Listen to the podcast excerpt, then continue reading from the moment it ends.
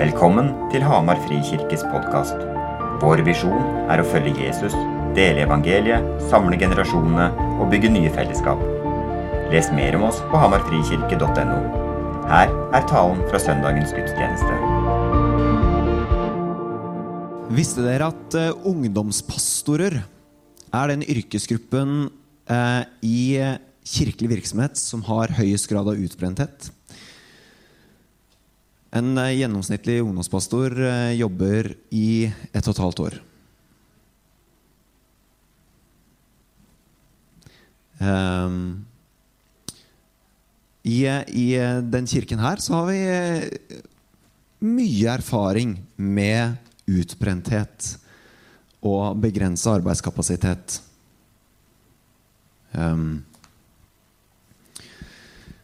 det er et mønster i samfunnet av eh, ungdommer som eh, eh, er utbrente nesten før de er 20.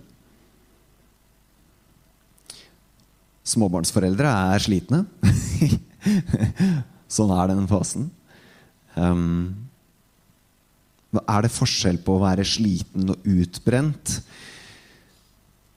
Og så er vi en kirke som vil masse. Vi vil jo at Innlandet skal få høre om evangeliet. Og at flere skal bli kjent med Jesus. Vi drømmer om å plante kirker, og vi drømmer om å vokse. Det er masse, masse vilje. Hvordan skal vi klare å få til et balansert liv, både som fellesskap og som individer? Hva vil det si å følge Jesus bærekraftig som tenåring i dag? Som ung voksen og student i dag?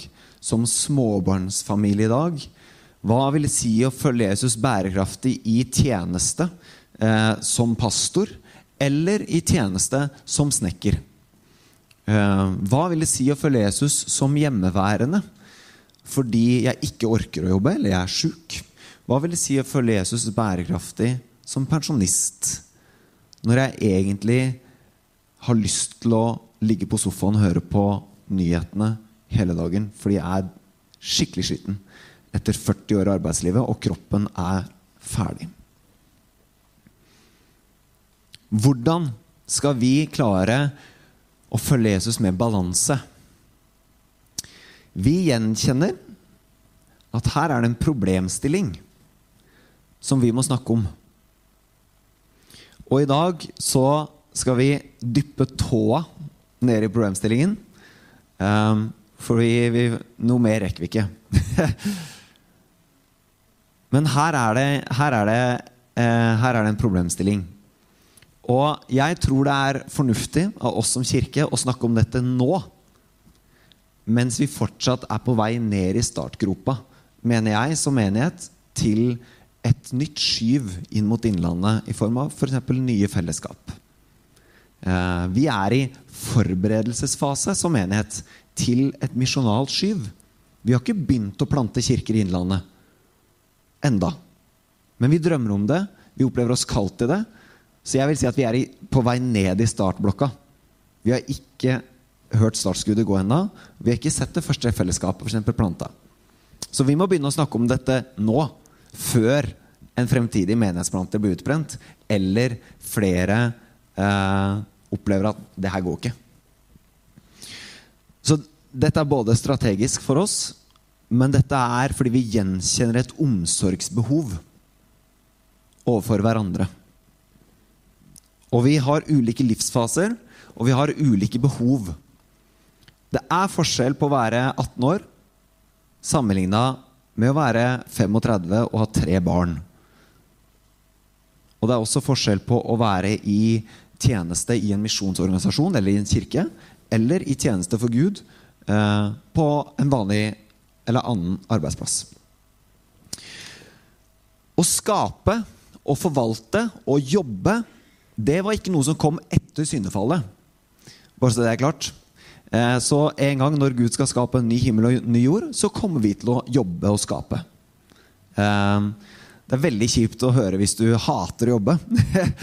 Men det ligger i skapertanken at vi skal jobbe. Det ligger nedlagt i mennesket å jobbe. Eh, og Guds rike, det skjer på deres arbeidsplasser, ikke min arbeidsplass som pastor. Så det er ikke jeg som er med å bygge Guds rike. Jeg tjener dere, så dere bygger rike.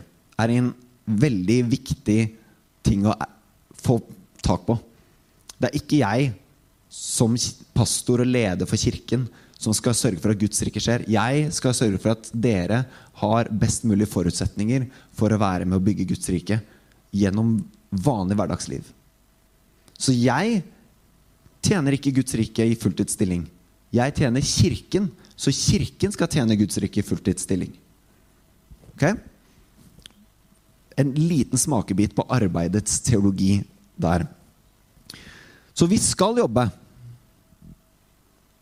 Og så er det ikke sikkert vi kan jobbe hvis vi har en livssituasjon som ikke tillater det. Eh, og så tror jeg at det å være hjemmeværende enten fordi man er syk eller småbarnsforeldre, hva det skal være, er en del av den skapelsestanken også. At man kan bygge Guds rike der. Bare så det er sagt. Og så er det to bibeltekster jeg skal lese, som tilsynelatende skaper et paradoks for oss. I Johannes 10,10 10, så sier Jesus dette. Jeg er kommet for at dere skal ha liv og overflod. Hva gjør vi når vi ikke erfarer liv og overflod som etterfølger Jesus? I Matteus 11, 28 og utover så sa Jesus.: Kom til meg, alle dere som strever og bærer tunge byrder, og jeg vil gi dere hvile. Ta mitt åk på dere og lær av meg, for jeg er mild og ydmyk av hjerte. Så skal dere finne hvile for deres sjel. Og sjelen nå er hele mennesket. Ikke, ikke en sånn immateriell ting som noe åndelige greier, men det er hele deg. Finne hvile for hele deg som menneske, er det som menes med sjel. For mitt åk er godt, og min byrde er lett. Hva gjør jeg når det ikke er lett å følge Jesus? Det føles som en skikkelig kjip, tung byrde å være kristen akkurat nå. Eh, jeg tror at det er mange blant oss, og mange kristne, som gjenkjenner at her Dette kjenner ikke jeg meg igjen i. Jeg opplever ikke liv og overflod akkurat nå. Tvert imot så er det skikkelig kjipt å følge Jesus akkurat nå. Fordi jeg er skikkelig sliten, og så må jeg gå i kirke i tillegg og være med på kirke. Som om jeg har tid og overskudd til det. Jeg har en jobb jeg skal gjøre, og jeg skal ha barn jeg skal oppdra. Og nå har jeg så dårlig råd i tillegg, så jeg må egentlig nesten vurdere en ekstra jobb. Og så skal jeg gå i kirke og være med på vertskap i tillegg. Vet dere hva dere forventer, eller? Nå bare jeg ut masse tanker for å få dere på spor sporet. Men hvordan ser det her ut? Hvordan skal vi løse disse paradoksene? Hvordan skal vi følge Jesus bærekraftig som fellesskap og som individer? Mens uten å måtte stoppe opp, uten å bli så passifiserte at vi ikke er i bevegelse, verken som fellesskap eller individer. Og så Hvis du eh, sitter her og gjenkjenner at nei, har jeg ikke noe problem med, her er det bare å på Genialt. Snakkes om noen år. Eh, mens for resten av oss, som kanskje kjenner på at oh, Skulle egentlig tenkt meg å sove til klokka 11 i dag og ikke gå på gudstjeneste. Kunne vi ikke hatt gudstjeneste klokka fem som Filadelfia-kirken Oslo, så hadde det vært litt lettere. Vi ønsker å tappe litt inn på det her og begynne å snakke. Og så har vi snakka om det delvis indirekte for et år siden når vi snakka om åndelige rytmer. Eh, for vi tror rytmer er en veldig sentral del av dette. Men det vi skal gjøre nå er at vi skal få litt innspill eh, på dette. Noen historier, noen innspill, for å starte en refleksjon. Og så etter det så skal vi bruke litt tid til å lytte til Gud, og så kan det være Gud sier noe til oss. Enten som fellesskap eller til deg som individ, i hvordan du lever. Nettopp fordi hvis det er sant at Jesus har kommet for at vi skal ha liv og overflod, så tenker jeg for min egen del jeg er villig til å gjøre ganske mye for å erfare liv og overflod. Og så kan det være jeg trenger noe innspill fra Den hellige ånd for å skjønne hvordan det ser ut. Ok, Så jeg ber, og så skal vi starte med Heidi Barmala. La oss be. Herre, vi tror at du er god. Og du har sagt at vi skal At det å følge deg egentlig skal være et åk som ikke er en byrde, som er tung. Du kom for å gi oss liv og overflod, og nå ber vi.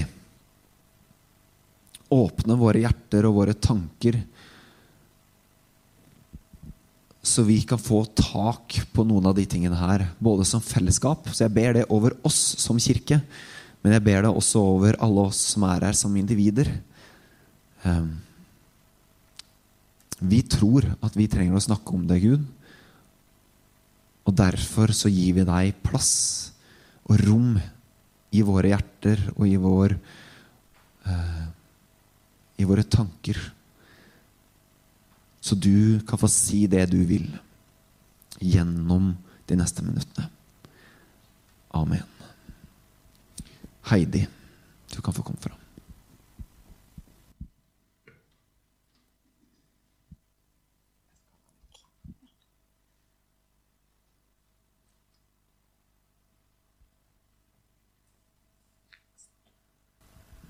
Ok, Så eh, du må først si hvem du er, eh, hva du driver med. Um, fordi det er folk her som ikke veit, har ikke peiling. Uh, og så må du si en gøy ting om deg selv. Det har jeg ikke forberedt deg på. Uh, så du må si altså Hvis du syns det er gøy, så sier du det. Og hvis vi ikke syns det er gøy, så er det helt greit. Okay. Så bra. Ja, jeg heter Heidi. Jeg er 32 år. Jeg har vokst opp i kirka her. Og jeg er uh, utsendt misjonær i Nepal. Og eh, en gøy ting om meg er at eh, jeg har et veldig spesielt eh, fotoalbum på mobilen min som det er hundrevis av bilder med meg som holder geitekillinger. Mm. Ja, det er gøy. Ja. Ja. ja eh, da Eirik spurte meg om eh, å dele om det temaet med å være, leve bærekraftig, så tenkte jeg ja, da har du spurt feil person. Um, det er eh, noe som jeg har eh, tenkt veldig mye over i det siste, siste tida. og noe som jeg i lengre tid har tenkt at det har jeg lyst til å vokse i. når jeg ser tilbake på fem år i Nepal, så ser jeg en del ting jeg kunne gjort annerledes for å leve mer bærekraftig. Og det tenkte jeg også å ta med i dag. Og, men det tar jeg litt på slutten. Um, jeg opplever at jeg har levd med et fundament av eh, fred og tillit um, de siste fem årene i Nepal. Man blir etter hvert ganske fleksibel og lærer seg å stole på Gud um, når man lever i et sånn kaotisk land. Og um, ja, i forhold til å leve bærekraftig så kunne jeg nevnt ting med at jeg er opptatt av kosthold og bruke tid med Gud og trening og søvn og sånne ting. Um, men jeg følte jeg skulle fokusere litt eh, dypere enn som så. Eh, litt mer på fundamentet som ja, Eller et par ting som jeg tror er viktig i et fundament eh, for å leve et bærekraftig liv. Um, og eh, ja um, Tenkte jeg skulle gå litt inn på det som skjedde under covid. Um, da pandemien eh, var et faktum, så tømtes Nepal for internasjonale misjonærer. Eh, alle reiste ut. Og um, mange fra teamet mitt reiste. Uh, lederne mine endte opp med å være ute av landet i ett og et halvt år. Og uh, jeg måtte da stoppe opp. Og, måte, og, ja, og, ambassaden ringte meg og ja, skal du bli her, eller skal du reise ut? Og, um, og uh, jeg måtte stoppe opp og liksom OK, Gud, hva skal jeg gjøre nå? jeg har astma. Det er veldig uforutsigbart land å bo i. Dårlig utvikla helsesystemer og sånne ting. Um, og at regjeringen generelt styrer landet på en veldig uforutsigbar måte. Um, og, men jeg kjente en sånn fred for at jeg skulle bli der. Um, så det var på en måte ok. Det kjente jeg. Og da uh, Ja. Tilliten til Gud og hans ledelse uh, var på en måte større da, enn utfordringene som jeg sto overfor. Um, vi hadde flere lange nedstengninger uh, som gjorde det krevende for oss å samles som team. det var vanskelig å måte få hjelpe til ordentlig på barnehjemmet. Eh, vanskelig med arbeidet som vi drev. Um, å komme seg fra A til B fordi det var politistasjoner overalt. Og vi, å, vi hadde ikke lov til å bevege oss noe særlig ute. og sånne ting. Eh, så vi risikerte egentlig å få trøbbel med politiet da vi prøvde å komme oss til slumområder med mennesker som trengte mat eh, og hjelp under den tida. Um, så det var på en måte en del sånn stressende ting og mye som var uforutsigbart. Og, og, det har jo alle kjent på, eh, enten man har vært i Norge eller Nepal. Uforutsigbarheten og mye som kan angripe freden, da. Um, og samtidig som jeg hadde kjent et fred for å bli i Nepal, så um, så visst følte jeg at jeg bevisst måtte kjempe for å, be, å beholde denne freden. Um, jeg så tidlig at det her var jo også en fryktpandemi eh, i forhold til alt i media. Og, eh, så jeg bestemte meg ganske tidlig for at jeg skal ikke se på nyheter i det hele tatt. For det er så voldsomt med hva som du bombarderes av fryktbølger. Og eh, ja. Så det ble på en måte en viktig del um, En viktig ting for meg. Og, ja, det, og, og sånn ja, fra morgenen så valgte jeg bare å beholde mobilen i flymodus bare få veldig sånn fokusert tid med Gud. Eh, for at ikke Ja, det blir sånn herre kamp om, eh, om sinnet og, og, bevare freden. Um, og jeg kjente at det var ja, økt fokus på bønn eh, var viktig for meg. Og det å, ja, selv om man satt innelåst i en leilighet for det meste, og liksom kon være connecte over nett med bønnemøter som skjedde og sånn. Um, ja, og I sammenheng med det som jeg skulle dele om i dag, da, så kjente jeg at jeg ble minnet om det her med historien om at Jesus stiller stormen. For da sa jo Jesus at um, ok, disipler, vi skal til andre siden. Og de var ja, ja, det skal vi. Ok. Eh, og så kom jo da eh, så, så, når omstendighetene bokstavelig talt eh, stormer, så eksponeres jo eh, deres manglende tro og tillit til Jesus. Som disiplene Ja, det kommer jo fram, det. Hva som egentlig er der når det stormer. Og jeg tror eh, bekymring eh, og det som stjeler freden vår, det er et sånn grunnleggende tillitsproblem til Jesus når det får komme. Um, men så må vi prøve å bare OK, hvis vi kjenner at nå kjenner jeg meg stressa, nå kjenner jeg at jeg ikke at jeg mista freden um, Prøv å se på det som en mulighet til Eller sånn OK, der ble det eksponert. Der kom den storm... Jeg, Gud sa jeg skulle fra A til B, og så plutselig så kom stormen. Og OK, det gjorde at det ble eksponert. OK, Gud, help my unbelief. gi meg tro, gi meg tillit til deg, Jesus. Um, mm. Så det er noen tanker som jeg har hatt i forhold til um, det å leve i fred og tillit til Gud. Og så eh, er det jo da på den andre siden at jeg ser i mitt liv at jeg kunne vært flinkere til å ta eh, lengre sabbatsperioder eh, og skikkelig ferie, egentlig. Eh, under pandemien da var jeg i Nepal i to år i strekk uten noe særlig ferie. Og vært fem år i Nepal nå og innser at jeg har ikke hatt så mye lengre, ordentlig ferie. Um, litt Ja. Og uh, Ja. Så det har på en måte gjort at uh, jeg nå har havna litt Eller seinere tida har vært litt sånn OK, nå kjenner jeg at Gud leder meg inn i et litt lengre avbrekk. Fordi at Ja, det, ha, det har flere, uh, flere, årsaker, men, men um, det er på en måte noe som kan jo skje hvis, hvis uh, Ja, eller jeg kan se tilbake. Kanskje jeg skulle skulle tatt lengre ferier eller skulle vært flinkere å hvile. Um, så det er på en måte, jeg er nysgjerrig på å høre de som skal dele videre her også, hva jeg kan lære av de. Um, og um, en av måtene jeg skal ta et pust i bakken på nå, er at jeg skal ta en skole i Cape Town i Sør-Afrika. Um, drar dit om et par uker og skal få uh, ja, litt tid um, innover med Gud og, og, se hva han vil gjøre videre der. Um, og, men jeg har jo da nå i sommer også vært inn, kjent på det med, med, hvile. At jeg virkelig vil finne det mer med Gud. og bare sånn kjapt vitnesbyrd. Da jeg var i Bergen for en uke siden og bare dro på en menighet der på gudstjeneste, så var jeg bare veldig sånn Nå kjenner jeg at jeg er på en plass med hvile med Jesus. Og satt på kirkekaffen der og eh, kom i kontakt med et par eldre damer. Og så kom det fram at den ene hadde dårlig hørsel. Og så da kom det bare automatisk fra meg ja, men da skal jeg be for deg. Eh, og liksom, ja, ba for henne et par ganger, og så sier hun at eh, hørselen min er mye bedre. Eh, ja, wow, Jesus.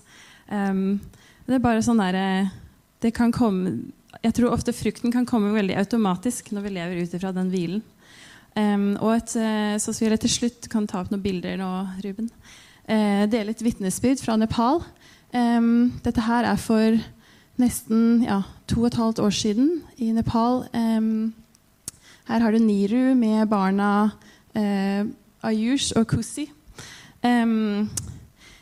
Vi har jo da det, Hun uh, hadde vi da i lengre tid prøvd å hjelpe fordi at hun satt foran templer og tigga med barna sine.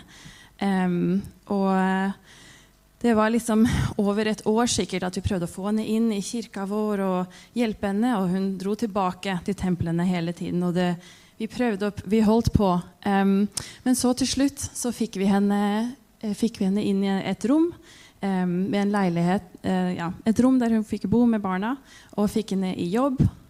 Og um, Barna fikk komme i barnehage, skole. Eh, og vi har da sett Niru over et par år. Har hun bare vokst og blomstra. Um, og jeg vil bare ta det fram, skulle bare dele noe fra Nepal, og det her ser jeg på som en, et bærekraftig uh, Du kan ta neste bilde. Et bærekraftig vitnesbyrd. Um, noe Gud har gjort over tid. Um, og uh, Niru Du ser at ansiktet hennes bare blomstrer. Uh, hun ja, i, første, starten når vi traff henne, var måte, det var ikke så mye liv på innsiden. Men nå er hun full av livsgnist og glede og initiativ.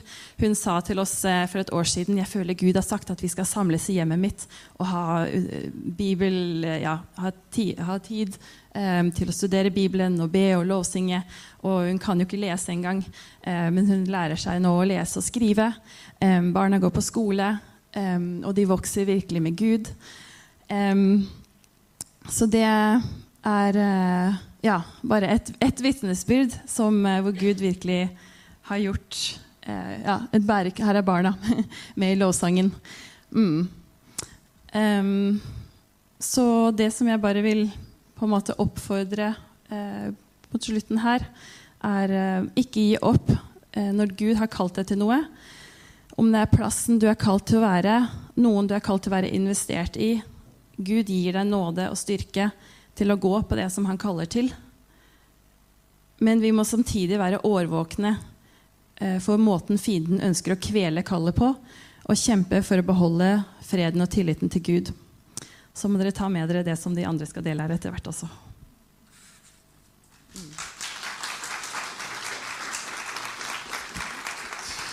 Takk. Um. Øystein, du kan komme opp og gjøre deg klar. Um, uh, Heidi, uh, tjeneste i Nepal uh, under pandemien. Én livsfase. Øystein, med din livsfase. Um, så um, vi, vi har, Det er tre veldig ulike personer og tre veldig ulike liv dere skal få høre fra. Så kjapt så kan du si hva du gjør, eh, og så skal du få lov til å gå på. Jeg er eh, leder for Eldsterådet i kirka. Har hatt gleden av å ha dette som familie i ca. 22 år. Eh, jobber eh, med å hjelpe ulike ideelle organisasjoner med å vokse. Eh, og litt sånn illustrerende Jeg Ca. tolv år gammel da begynte jeg å jobbe ved siden av skole med plenklipping, forefallende gårdsarbeid og etter hvert maling. Stort sett flere ettermiddager, kvelder, helger og ferier. Og der har du egentlig meg. Vært lykkelig gift med min Else gjennom 26 år og 42 biler. Og trent taekwondo og judo i ca. ti år. Så der har du også litt nei. Så eh, jeg tenkte nok kanskje også litt, Eirik, eh, hvor lurt er det å spørre Øystein, eh, selv om det ut ifra tjenesten eh, burde tilsi at det burde ha noe å dele. Eh, vi fikk tre spørsmål av deg, Eirik. Eh, hva kjennetegner eller hva gjenkjenner dere som et bærekraftig liv i etterfølgelsen av Jesus? Bærekraftig liv tenkte jeg litt på. Og grunnforståelse om hva og hvem det handler om. Jeg tenker at Det handler først og fremst om liv. Det siste leddet i den setningen. Det handler ikke om bæring. Og i den grad det handler om bæring, så handler det om hvem er det som bærer hvem her. Og i forhold til liv hva er det? Og da tenkte jeg på noen ord som vi kan lese Jesus dele i Johannesevangeliet, kapittel 17, vers 3, hvor Jesus sier Dette er det evige liv, at de kjenner deg, den eneste sanne Gud, og ham du har sendt, Jesus Kristus. Det er liv. Her i kirka så har jeg levd mesteparten av livet mitt i undergrunnen. Eh, jeg og Else og våre unger har vært involvert i søndagsskole gjennom veldig mange år. Jeg har ca. 500 andakter, eh, og flere av de kom vi tilbake til historien om gjeteren som hadde 100 sauer. Én ble borte. Hva gjør du da? Og den taler til meg stadig vekk også om dette temaet her. For det han gjør, er at han blir ikke værende med sine 99. Men han går ut og leter og finner. Og legger den han fant, som var borte, på sine skuldre. Og det er for meg et sterkt bilde som har relevans i forhold til bærekraftig liv. Det er Jesus som bærer meg. Gjennom ulikt føre. Det er ikke jeg som bærer Jesus. Um, og I det så opplever jeg at det har funnet en del frihet fra en del dårlig samvittighet som jeg tror kristne kan streve med. Jeg har aldri møtt noen som eh, har sagt eh, jeg, eh, jeg syns jeg ber nok. Eller nå har jeg lest så mye i Bibelen at jeg er nødt til å ta en pause. Men jeg har møtt mange som sier noe sånn som at 'jeg leser ikke nok i Bibelen'. Og 'jeg tror ikke jeg ber nok'. Jeg føler ikke at jeg bruker nok tid med Gud. Og det er der Jesus sier, sånn som du delte, Eirik, 'Kom til meg, dere som strever og har tungt å bære'.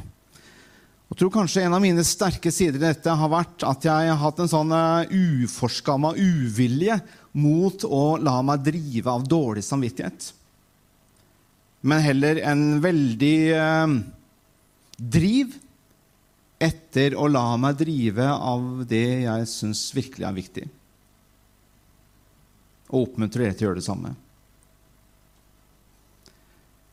Livet er å kjenne Gud, og et bærekraftig kristenland handler om å hvile på Jesus' skuldre. Hvile i det Jesus har gjort. Det er evig nok, fordi det er fullbrakt. Det andre spørsmålet delte var hvilke prioriteringer har vi gjort som familie for å leve bærekraftig liv. Eh, jeg tenkte på din åpning, eh, Berit, denne konferansen 'Jeg er her'. Eh, jeg tenderte til å ikke være der. Heller tvert imot. Jeg tenderte til å leve fremover. Eh, et eller annet jeg skulle oppnå. Kanskje noe jeg skulle få til gjennom jobb. Enda et diplom jeg ønska på veggen. Det var nok en litt sånn eh, grunnmønster. Og så møtte jeg for nå snart om lag 15 år siden kreftsykdom. Og gjennom den eh, reisen så vil jeg si jeg ble mye flinkere til å være til stede her og nå. Jeg fikk et mye jeg vil si, sunnere perspektiv på hva og hvem er virkelig viktig. Og det spørsmålet hjelper meg til å navigere. Hva og hvem er virkelig viktig? Siden du spør oss om familie, et av våre veivalg og verdivalg har vært at en av oss eh, har jobbet deltid. Stort sett deg, Else. Stort sett i 50% stilling. Som har gjort det mulig å ha en mye større kontaktflate og en større ro hjemme. Og I tillegg så ordna vi det sånn at du kunne ha hjemmekontor, og det har også vært veldig veldig familievennlig. Um, jeg har lyst til å oppmuntre dere som er i småbarnsfasen, som er som par. Prioriter tid til å være kjærester, også i den litt sånn raske tiden. Og jeg har lyst til å si det til dere alle. Prioriter å være kjærester, dere som er to. Og så har vi valgt å prioritere menighet. Kirka har vært viktig. Det er en av de tingene jeg ønsker å se tilbake på når noen skal snakke om levd liv til Øystein. Noen av de tingene jeg håper skal være synlige i mine fotefar i snøen. Troen, familien, menigheten, misjon og det å gjøre godt.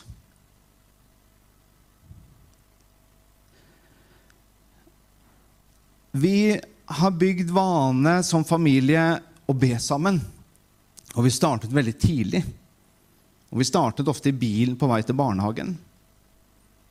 Nå i juni hadde min datter Engel sin siste skoledag på videregående. Og helt fram til da så gjorde vi det. Når vi kjørte sammen til skolen, vi ba sammen. Og så tror jeg jeg skal få lov til å si at vi har prioritert å bruke tid sammen som familie. Ha det gøy sammen. Og det har vært en glede. Og vi har vært opptatt av det. Vi har vært mindre opptatt av å være med på flest mulig aktiviteter og saker og ting. Det siste spørsmålet hvilke rytmer kan folk vurdere for å finne balansen mellom hvile og tjeneste, og samtidig vokse i etterfølgelse og relasjon med Jesus? Veldig bra spørsmål, Eirik. Her kommer mitt svar. Jeg tenker at uh, det viktige er ikke hva du gjør, hvor mye du gjør, men å være en del av fellesskapet. Og jeg har lyst til å invitere alle dere som er her kanskje som er her første gang, eller sånn, føler deg ny. Du er hjertelig velkommen inn i denne familien. Et annet perspektiv er arbeid, strev eller glede. For meg er det glede. For meg har det å få lov til å bruke min fart og styrke vært en del av min gudstjeneste. Jeg ser det sånn. Jeg får ved å gi. Og så vil jeg si jeg ber mye i løpet av en dag. Ofte i tunger. Barna mine er forbilder på å bruke tid i ordet. Du var innom dette, Erik, om at livet har ulike faser med muligheter og begrensninger. Jeg har lyst til å oppmuntre deg til å oppdage og utforske mulighetene, og ikke la deg holde igjen av begrensningene, enten det handler om tid, penger, helse, forpliktelser. Og så har jeg lyst til å dele et bibelvers mot slutten. Fra Hebrebrevet kapittel 12, vers 1 og 2. Når vi har så stor en sky av vitner omkring oss. Så la oss legge av alt som tynger, og synden som så lett fanger oss inn. og med utholdenhet fullføre det løpet som ligger foran oss, med blikket festet på ham som er troens opphavsmann og fullender. Tro kan jeg på sett og vis ikke produsere selv. Jesus er troens opphavsmann og fullender. Jeg kan ha indre hvile, fred og glede selv om jeg er i farta. Helt til sist I det året hvor jeg fikk behandling for lymfekreft, så eh, gikk jeg tidvis turer i nærområdet og passerte Utvandrerkirka nede i Ottestad. Og dette var på vinterstid. Og det var snø på en slags eh, slette der, eller en eng. Og ved stien så stakk det opp et skilt opp av snøen. Vinterstid. Og på det skiltet så sto det Ikke tråkk på den nysådde plenen. Her skal det vokse gress og blomster. For meg ble det et bilde på at denne tid er ikke den siste tid. I den forstand at dette livet er ikke en slags veis ende. Dette livet er begynnelsen på en evighet og en eventyrlig ferd med Gud, vår Far.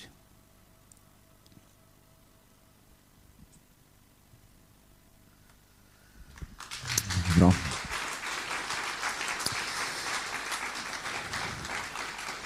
Anders, du kan få lov til å komme opp. Um,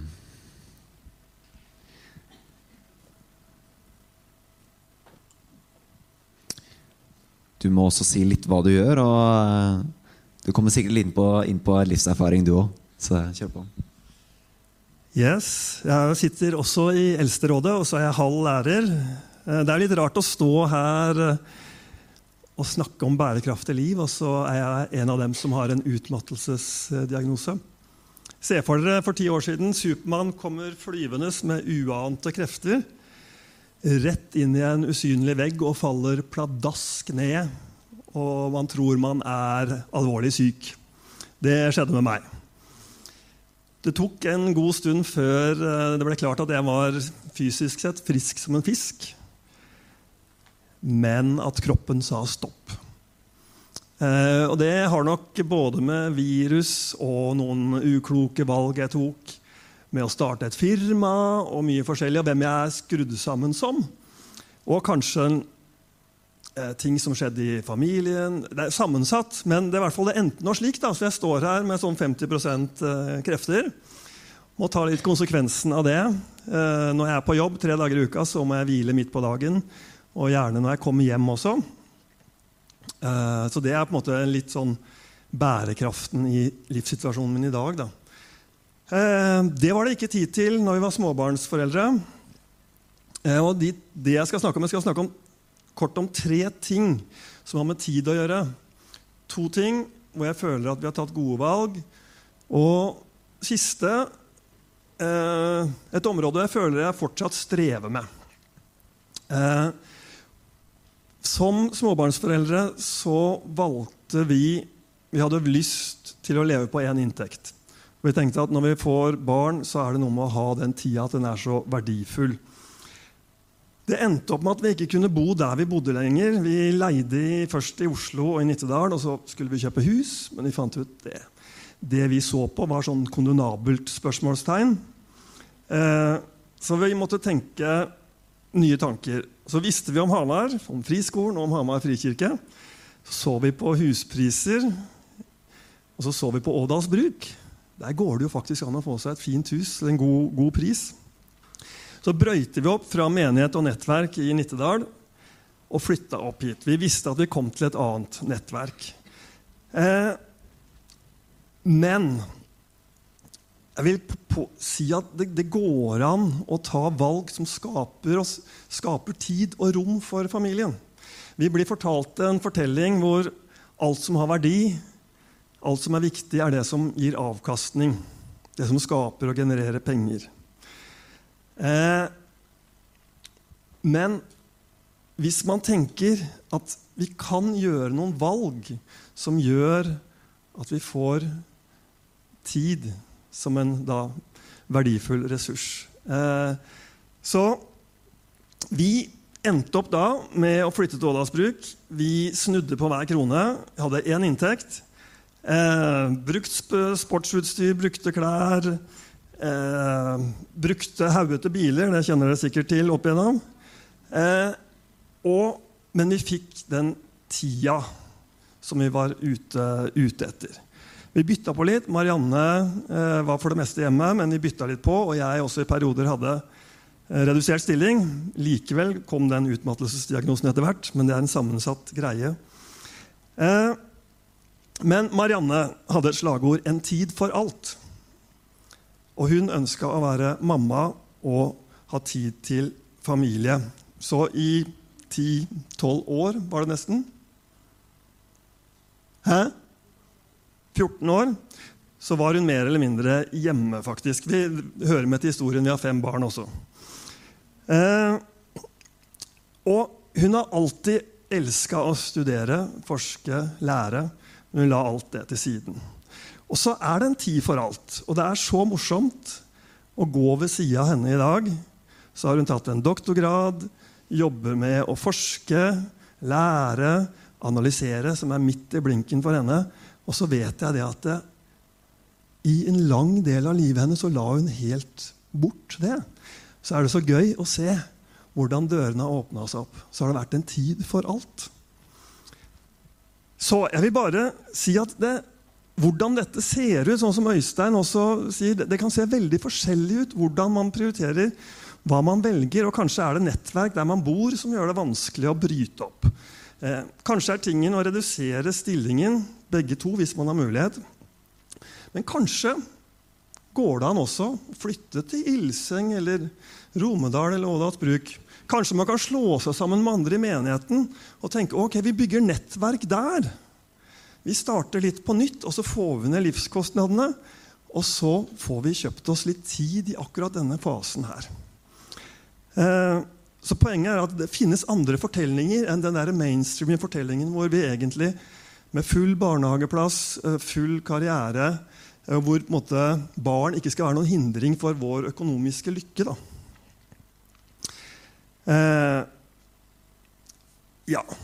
Det var den ene tiden. Det måte, sånn, tingen, det er store valg. Så, samme som Øystein sa, tid som familie. Og vi har nok vi har, vært, eh, vært sju stykker hjemme, og vi har tenkt veldig flokk. Vi har dratt oss til gudstjeneste, selv om alt har sagt nei, vi orker ikke. Men vi har gjort det som en flokk. Og også i ferier, hvor vi har istedenfor å dra og være sammen med mange andre familier, og hvor, hvor vi blir dratt Jeg blir i hvert fall veldig dratt når jeg skal måtte være sammen med andre voksne. Så glemmer jeg litt ungene. Men det å ha tid sammen i Femundsmarka eller en øde øye på Hvaler over tid, så er det noe med at man finner en ro som familie. Og så har det åpna opp for noen veldig viktige prater opp igjennom. Og vi måtte, jeg husker Mathias første gang han var med til Femundsmarka som seksåring. Litt stressa. Tok tid før han roa seg ned, og så ender han opp i vannkanten og leker med en frosk. Leker med mauren og faller til ro. Og på en måte, Når vi som familie faller til ro, så er det noe med at det skaper rom for den gode samtalen, og kanskje man ser litt Er det noe bakenfor her som det er godt å snakke om? Eh, ja. Det var helt fort og gæli om, om eh, flokk og det å kjøpe seg tid som småbarnsfamilier. Til sist, samme som du sa, Øystein, å være til stede i nuet her og nå, som også du var inne på, Berit, det er noe jeg strever med. Og Der er Anna, dattera mi, et veldig forbilde. Hun er veldig til stede i hverdagen sin. Når jeg skal eh, rense reker og spise rekesmørbrød, så er jeg den raskeste til å gjøre det. Jeg piller det fort, lasser på, lager rekesmørbrød til Anna, og så spiser jeg. Og så er jeg på en måte ferdig lenge før de andre før de har fått pilla ferdig rekene sine. Jeg er effektiv og har alltid vært på, på vei til noe annet.